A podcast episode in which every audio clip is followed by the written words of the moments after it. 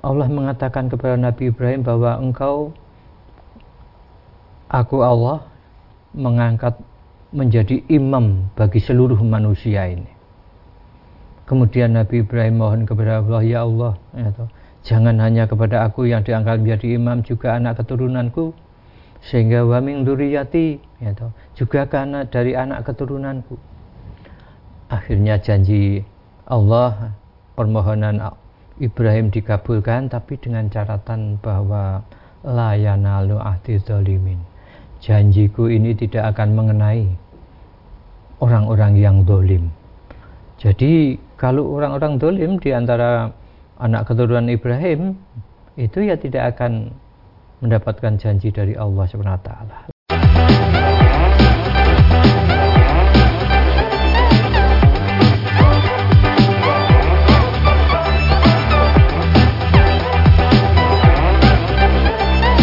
Bismillahirrahmanirrahim. Assalamualaikum warahmatullahi wabarakatuh. Saudara pemirsa channel terpilih MTA TV di mana pun anda berada Puji syukur Alhamdulillah senantiasa kita panjatkan kehadiran ilahi Rabbi Allah subhanahu wa ta'ala Atas genap karunia nikmat dan juga rahmatnya untuk kita semua di perjumpaan awal aktivitas pagi hari ini. Kita jumpa kembali di program unggulan Fajar Hidayah dan Alhamdulillah sudah hadir Ustaz Sadono yang nanti akan melanjutkan pelajaran sekaligus memberikan pencerahan untuk kita semua di kesempatan kali ini. Assalamualaikum warahmatullahi wabarakatuh Ustaz. Waalaikumsalam warahmatullahi wabarakatuh. Kabar baik dan sehat pagi ini Ustaz? Alhamdulillah, khair, baik insya Allah. Alhamdulillah, sehat. baik. Dan pemirsa nanti bisa bergabung bersama kami di line telepon 02716793000, SMS dan juga di WA kami di 08 11 Kita simak pelajaran kita pagi ini. Silahkan. Baik. Bismillahirrahmanirrahim. Alhamdulillahirabbil alamin. Wassalatu wassalamu ala asrofil anbiya'i wal mursalin wa ala alihi wa ajmain. Amma ba'du. Saudara-saudaraku kaum muslimin dan muslimat yang dimuliakan Allah SWT juga pemirsa sekalian, pendengar sekalian di mana pun Anda berada yang berbahagia tidak lupa senantiasa mengingatkan untuk bersyukur kepada Allah Subhanahu wa taala atas nikmat karunia-Nya yang telah dicurahkan kepada kita sekalian itu. Baik nikmat lahiriah maupun nikmat batiniah hingga kesempatan pagi hari ini Saudaraku kita bisa berjumpa kembali lewat udara dalam acara Fajar Hidayah. Untuk itu mudah-mudahan pertemuan kita ini senantiasa dirahmati oleh Allah Subhanahu wa taala. Saudaraku, sebelum kita beraktivitas untuk hari ini, marilah kita awali pagi hari ini dengan bincang-bincang tentang dinullah. Lalu kita perhatikan, sama-sama kita perhatikan nasihat-nasihat yang ada di dalam Al-Quran maupun As-Sunnah sebagai sumber daripada agama kita dengan harapan agar tingkah laku kita, perbuatan kita, perjalanan hidup kita senantiasa berada di atas jalan yang lurus, di atas jalan yang benar, yang ujung-ujungnya kita mengharapkan keselamatan dan kebahagiaan hidup baik di dunia ini maupun nanti di akhirat. Saudaraku, kaum muslimin dan muslimat yang dimuliakan Allah Subhanahu wa taala, kini kita berada di hari-hari tasyrik di mana kemarin kita mengadakan penyembelian kurban kemudian dirangkai sampai kepada hari tasyrik ini 11, 12, 13 ini gitu. maka oleh sebab itu saudaraku kita sebagai orang muslim hendaknya kita mengingat kembali tentang peristiwa-peristiwa yang terjadi pada diri Nabi Ibrahim di mana Nabi Ibrahim itu memang Nabi dan Rasul ya, yang banyak diberi oleh Allah Subhanahu Wa Taala itu ujian-ujian ya, yaitu antara lain di, sebagaimana dikatakan di dalam Al-Quran itu rajim dalam surat Al-Baqarah itu ayat 124 itu yaitu, wa tala Ibrahim rabbuhu bi kalimatin fa'atamahun. Ini ja'ilu kalin nasi imama. Kola wa min duriyati Kola ya la yanalu ahdi dan ingatlah ketika Ibrahim itu diuji oleh tuannya dengan beberapa kalimat, artinya banyak ujian-ujian yang diberikan berupa perintah maupun larangan. Fa'atamahunna, tapi ketahuilah bahwa Nabi Ibrahim itu semuanya bisa dilaksanakan dengan sebaik-baiknya. Semuanya. Gitu. Kemudian setelah itu ini ja'ilu kali nasi imama.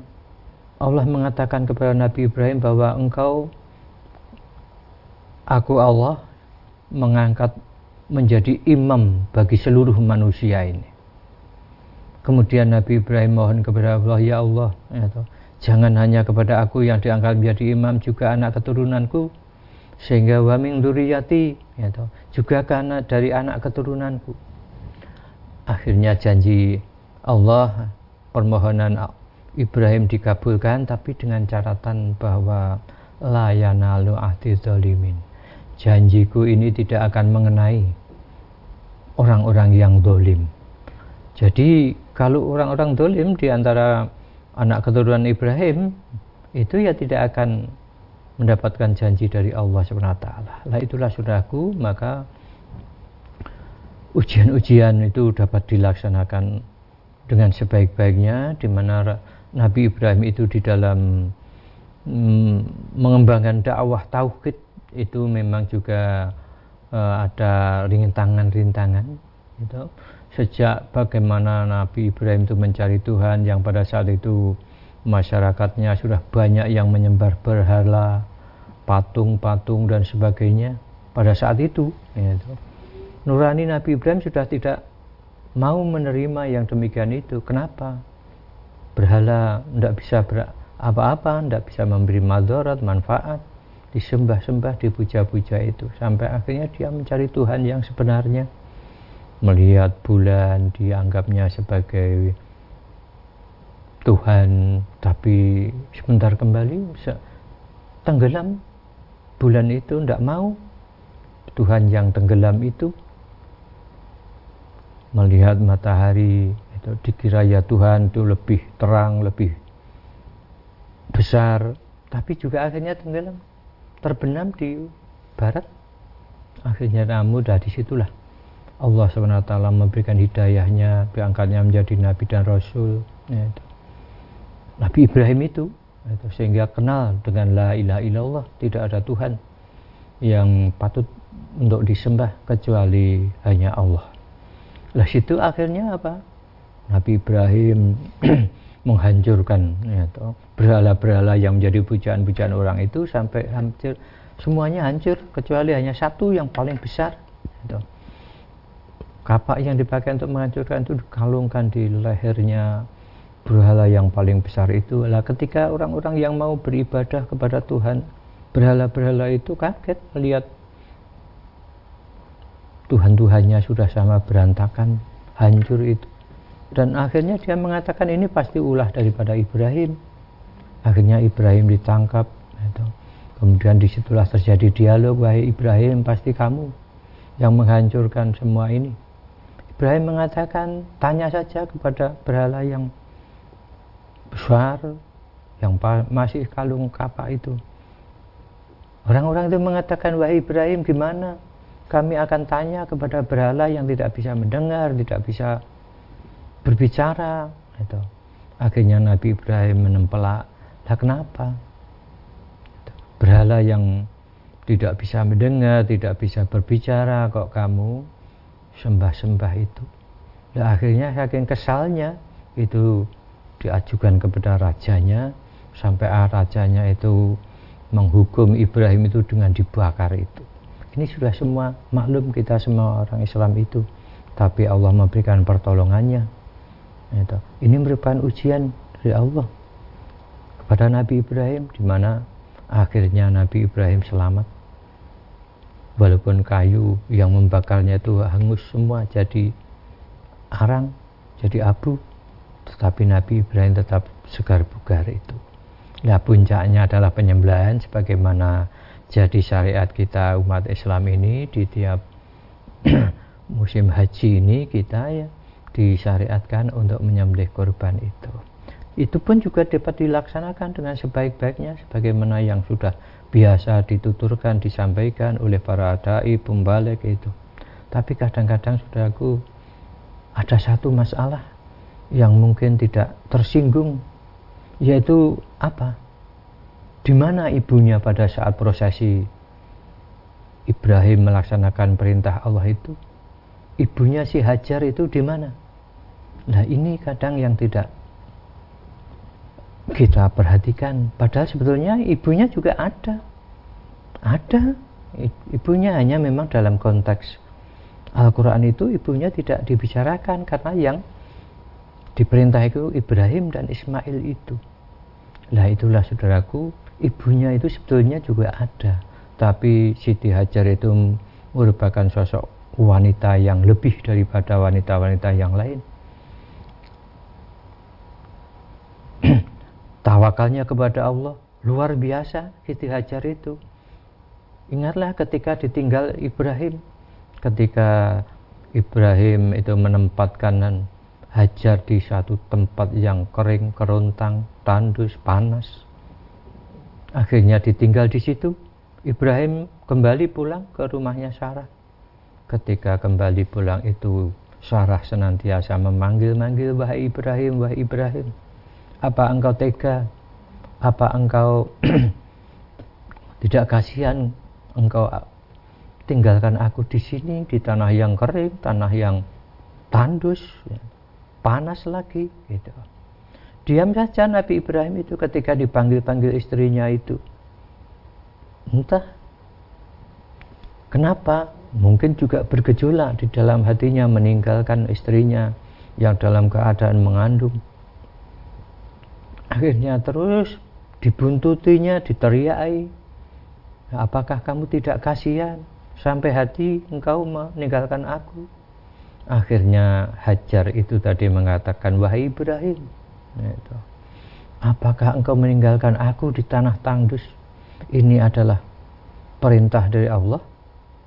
Nah, ketika itu Nabi Ibrahim berhenti mendengar pertanyaan istrinya itu, menoleh kepada istrinya, dia katakan, "Iya wahai istriku, ini adalah perintah Allah." Maka ketika itu Hajar sudah tidak menghibah lagi, tidak merajuk lagi, kembali ya di situ membiarkan dan merelakan suaminya pergi itu. Karena apa? Karena ketaatannya kepada Allah luar biasa. Karena tawakalnya kepada Allah luar biasa.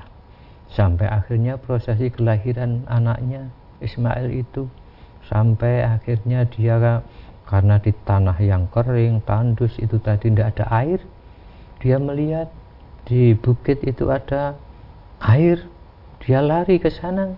Untuk mencari air itu ternyata sampai di sana. Itu tidak ada. Melihat di bukit yang lainnya juga ah, sepertinya ada air. Itu ternyata di sana juga tidak ada. Sampai berulang kali dilihatnya itu. Yang sampai sekarang itu menjadi syariat di dalam berhaji itu yaitu sa'i di bukit Sofa dan Marwa itu.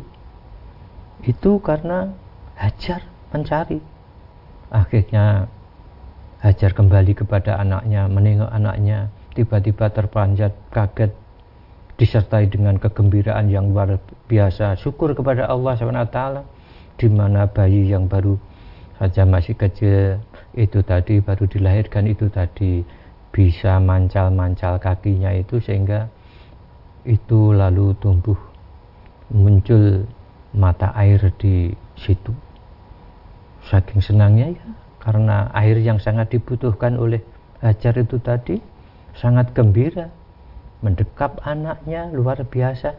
Sampai sekarang air itu juga masih terus ya, tahu, mengeluarkan airnya yang luar biasa ini adalah kekuasaan Allah pertolongan Allah yang sampai sekarang itu disebut menjadi air jam-jam itu. Lah itu dah saudaraku di antaranya ketabahan seorang ibu ya toh yang lain daripada ibu-ibu yang lain seperti sekarang ini. Mudah-mudahan kita pandai meneladaninya khususnya bagi para ibu-ibu para wanita-wanita muslim di mana hajar dengan ketaatannya kepada Allah dan tawakalnya kepada Allah luar biasa yang akhirnya Allah memberikan pertolongan itu sampai sekarang kita dapat melihatnya itu. Begitu yang dapat kami sampaikan. Ya baik Baik pemirsa, kami harapkan Anda bisa bergabung bersama kami di line telepon 02716793000, SMS dan juga di WA kami di 08112553000. Namun sebelumnya kita akan simak beberapa informasi dalam rangkaian jeda pariwara berikut ini. Baik saudaraku pemirsa channel terpilih MTA TV di mana pun Anda berada, terima kasih Anda masih setia bersama kami khususnya di program unggulan Fajar Hidayah pagi ini. Kesempatan pertama kami persilakan di line telepon 02716793000. Halo, Assalamualaikum. Waalaikumsalam warahmatullahi wabarakatuh. Dengan siapa di mana Bapak? Dengan Bapak Abu Syuhada di Pontianak. Silakan Bapak Abu Syuhada. Assalamualaikum warahmatullahi wabarakatuh Ustaz. Waalaikumsalam warahmatullahi wabarakatuh. Mohon maaf mungkin pertanyaan ini luar tema tapi dalam wilayah itu juga Ustaz. Hmm. Begini Ustaz, saya sangat penasaran itu dengan ini kan karena saya juga memang orangnya mau pingin tahu, pingin tahu, pingin tahu walaupun banyak keterbatasan tapi saya pingin tahu. Begini ingin tanyakan pelan-pelan aja, Pak. Kenapa? Pelan-pelan, Pak Abu Sada. Okay, okay. Begini, karena keinginan tahu saya gitu. -hmm. Saya ingin tahu walaupun sekecil-kecil saya ingin pelajari agar saya menjadi manusia yang punya ilmu dan tidak sembarang dalam berbuat apa pun. Jadi begini yang ingin saya tanyakan adalah kenapa kita di Indonesia hukum ah, maksudnya bukan hukum kita di Indonesia berpuasa mengikut Arab Saudi. Ini kan yang sepaham sependek yang saya saya ketahui bahwa kita kan kalau biasaannya dari dulu kan kalau kita itu kan berpuasa kan di sini kan ketika tanggal 9 Zulhijjah. Nah, orang hukum di Arafah baru kita berpuasa dan di tanggal 10 Julhijjah baru kita melaksanakan kurban ataupun lebaran Idul Adha itu. Tapi yang saya tahu di penanggalan saya itu itu waktu orang berpuasa itu baru tanggal 8 Julhijjah itu di penanggalan saya. Itu tanggal 20 baru 8 Julhijjah. Ya saya, saya penasaran kenapa begini, kenapa besok berpuasa kan belum cukup waktunya gitu. Jadi saya penasaran, yang ingin saya tanyakan, apakah memang tanggal di Arab itu berbeda dengan kita Indonesia. Apakah kita tanggal 8 di Arab itu sudah tanggal 9? Kalau kita kalau kita sudah tanggal kalau kita baru tanggal 8 Julhijjah. Kalau di Arab Saudi sudah tanggal 9 itu pas. Namun kalau sama-sama tanggal 8 kenapa seperti itu jadinya gitu? Kenapa kita hukum tidak tanggal 9 kenapa berubah? Apakah penanggalan kita yang berbeda dengan mereka atau waktu hukum itu bila-bila saja boleh gitu seperti itu. Jadi itu yang hmm sangat membuat penasaran karena di daerah kita yang terjadi dua itu. Saya masih hmm. kenapa kita kan uh, anggota ngaji kita juga ikut itu. Saya tapi tidak menyalahkan cuma saya penasaran sekali kenapa tanggal 8 udah puasa dan, dan tanggal 9 udah kurban itu. Padahalnya menurut teknik pemahaman saya tiap waktu kan memang harus tanggal 9 baru kita berpuasa, 10-nya baru kita uh, lebaran. Tapi sekarang tanggal 8 orang udah puasa, tanggal 9 udah lebaran. Jadi apakah memang penanggalan mereka dan kita berbeda apa apakah kita tanggal 8 mereka udah tanggal 9 gitu. Kalau mau seperti itu itu benar. Tapi kalau sama-sama kalau sama-sama tanggal 8 kok berpuasa dan hukum bagaimana itu? Mohon tausiahnya Ustaz. Ini semoga bisa menjawab kemusykilan saya karena selama ini saya masih gamang gitu mau, mau pengen tahu kenapa seperti ini gitu Ustaz. Mohon tausiahnya atas tausiahnya terima kasih. Assalamualaikum warahmatullahi wabarakatuh. Waalaikumsalam warahmatullahi wabarakatuh. Iya, memang jadi kita di Indonesia ini kemarin, ya, kemarin ada dua pemahaman di dalam mensikapi Idul Adha itu. Nah, dua pemahaman itu kemarin ada yang puasanya itu di hari Jumat, ada yang puasanya di hari Sabtu bagi yang puasa hari Jumat Idul Adhanya atau sholatnya Idul Adha itu di hari Sabtu.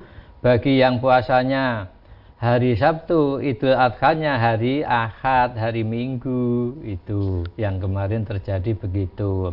Jadi ini sudah menjadi ya dua pendapat itu. Atau kalau bagi kita di MTA ini itu berpegang kepada hadis Nabi bahwa apabila para jamaah haji itu melaksanakan wukuf di padang Arafah bagi yang haji wukuf itu wukuf maka bagi orang-orang yang tidak berhaji itu melaksanakan puasa Arafah namanya ya toh. Puasa Arafah sehingga patokannya itu berkaitan dengan pelaksanaan haji di Arab sana. Ya kapan Arafahnya atau wukufnya di Arafah itu kapan? Lah di situ kita kita berpuasa yang tidak berhaji itu berpuasa itu. Memang antara Indonesia dan Arab itu juga ada perbedaan waktu.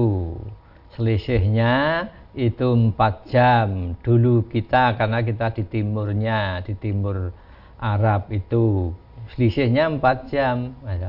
Empat jam. Tetapi di dalam hal ini kalau kita hitung-hitung begitu, wukuf itu adalah dimulai dari zuhur sampai maghrib. Gitu. Zuhur di sana, zuhur di sana itu kira-kira ya jam 12 lah taruhlah begitu. Jam 12 kalau kita ada perselisih ada selisih 4 jam di sini itu mungkin sudah jam 4 4 sore gitu. mulai gitu, mulai puasa tapi masih istilahnya menemui menemui wukuf itu walaupun hanya dua jam itu itu kita yang menjadi patokan kita mengamalkan sholat idul adhanya ya ya di Sabtunya karena Jum'ahnya sudah sudah berpuasa itu gitu.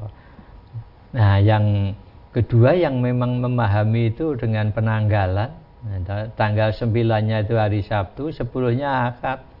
Nah, Sabtunya yaitu berpuasa, akadnya itu apa itu idul adhanya itu lah ini ini dua pemahaman itu sehingga bagi kita tidak usah ribut, tidak usah rame, tidak usah saling menyalahkan, saling menghormatilah satu dengan yang lain. Nah itu kita berpar berpaham bahwa lana amaluna walakum amalukum. Bagi kami itu ya amalan-amalan kami bagi kamu ya amalan-amalan kamu. Artinya silakan. Nah, kalau saya memang memahami mengamalkan puasanya Jum'ah Idul Adhanya Sabtu kamu puasanya Sabtu Idul Adhanya Ahad nah, kita sudah sama-sama saling menghormati itu sehingga tidak saling menyalahkan, tidak saling merasa benar sendiri dan sebagainya itu tidak. Nah begitu Bapak, jadi kita memegang bahwa wukuf di Arafah yang tidak wukuf itu berpuasa. Itu namanya puasa Arafah itu, begitu. Ya, baik. Kita bacakan Ustadz yang ada di SMS dan WA kali ini dari Ibu Siti di cabang di Salatiga. Hmm. Ustadz, hari tasrik bulan ini sampai hari apa Ustadz? Dan ayamul bidnya bisa atau tidak? Itu. Hmm. Ya kembali ya dah. Jadi kita kan dua pendapat itu tadi seperti yang saya sampaikan tadi. Kalau apa itu Idul Adhanya itu hari Sabtu, ya, hari tasriknya kan tiga hari sesudahnya. Jadi Sabtu, Ahad, Senin, Selasa. Itu 11, 12, 13. Ya. Kalau yang kita apa itu Idul Adhanya hari Ahad itu ya Senin, Selasa, Rabu. Itu tasreknya itu hari Rabu itu. Itu nah siapa tadi ibu atau bapak? Ibu Siti. Oh, ibu. Salah tiga. Nah, kalau ibu kemarin itu mengamalkannya Jumat apa Sabtu nah, gitu. Kalau Jumat itu Idul Adhanya Sabtu, lalu tasreknya ya tiga hari sesudahnya itu. Ya akad Senin Selasa. Nah itu itu jadi tasrek itu tiga hari sesudah pelaksanaan sholat Idul Adha itu yang pada saat itu setelah sholat itu uh, disyariatkan juga menyembelih kurban itu dibagi-bagikan itu. Nah kemudian puasa bidnya gimana? Itu, memang kalau yaumul bid kita itu mengacu kepada pertanyaan Abu Dhar. Ternyata Abu Dhar kepada Nabi kepada Rasulullah, ya Rasulullah, kalau aku akan berpuasa tiga hari di hari bulan Komariah itu kapan? Nah, Nabi memberikan nasihat kalau kamu akan berpuasa Yamubid itu tadi berpuasalah tanggal 13, 14 dan 15. Tiga hari berturut-turut.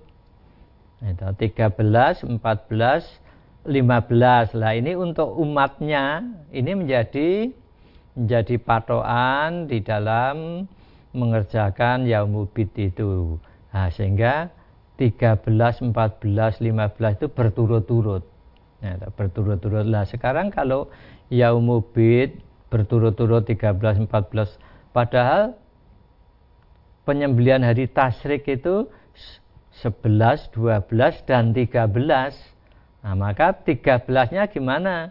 Padahal 13 itu merupakan awal dari puasa Yaumubid. Maka kalau hari tasrik itu hari yang tidak boleh berpuasa, hari makan, ya, tidak boleh berpuasa, maka kalau akan melaksanakan Yaumubid itu tidak bisa. Karena tanggal 13-nya itu larangan. Larangan berpuasa. Nah, sedangkan Yaumubid itu awalnya mulainya puasa itu tanggal 13.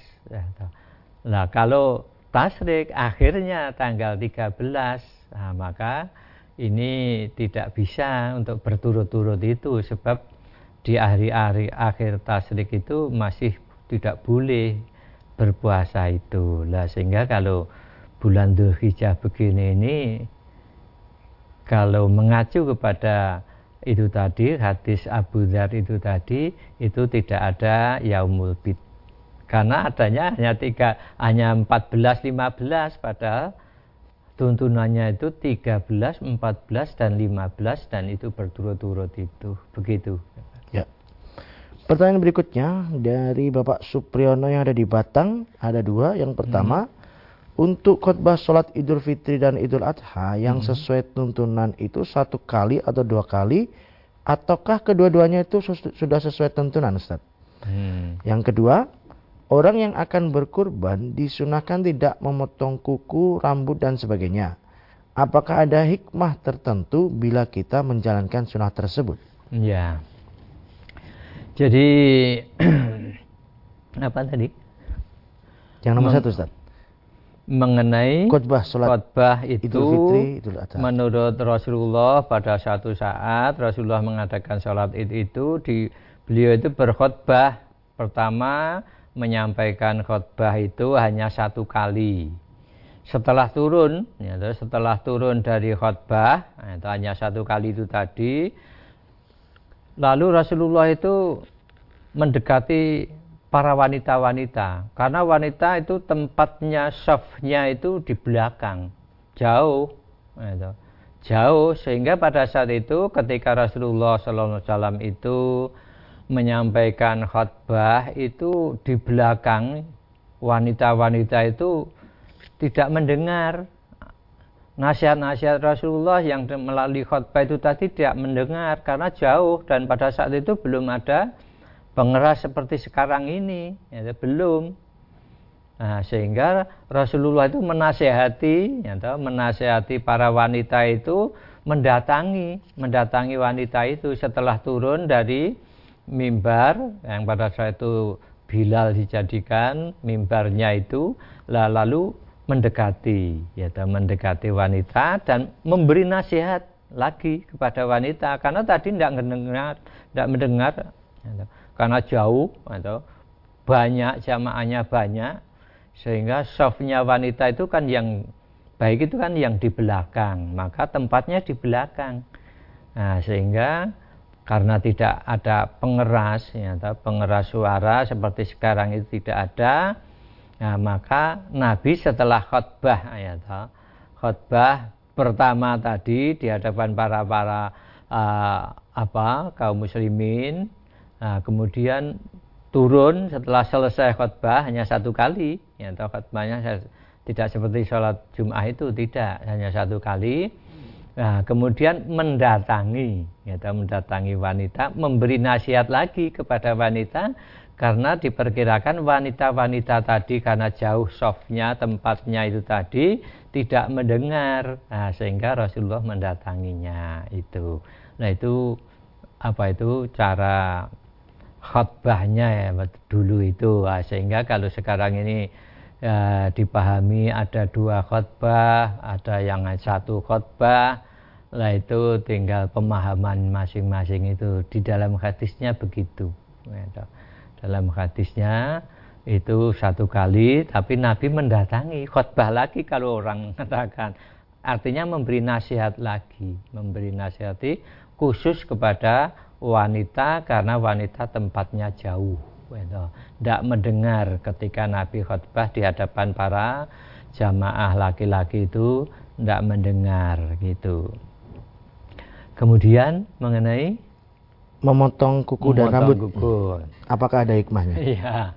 Kalau hikmah itu ya ya ada saja kalau diambil tapi saya belum tidak bisa menjawab itu karena kalau dilihat dari hadisnya itu seolah-olah seperti yang dilarang untuk memotong kuku dan rambut itu adalah pihak yang korban.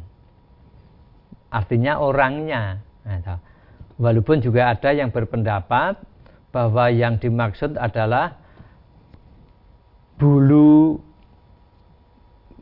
hewan yang akan dikorbankan itu.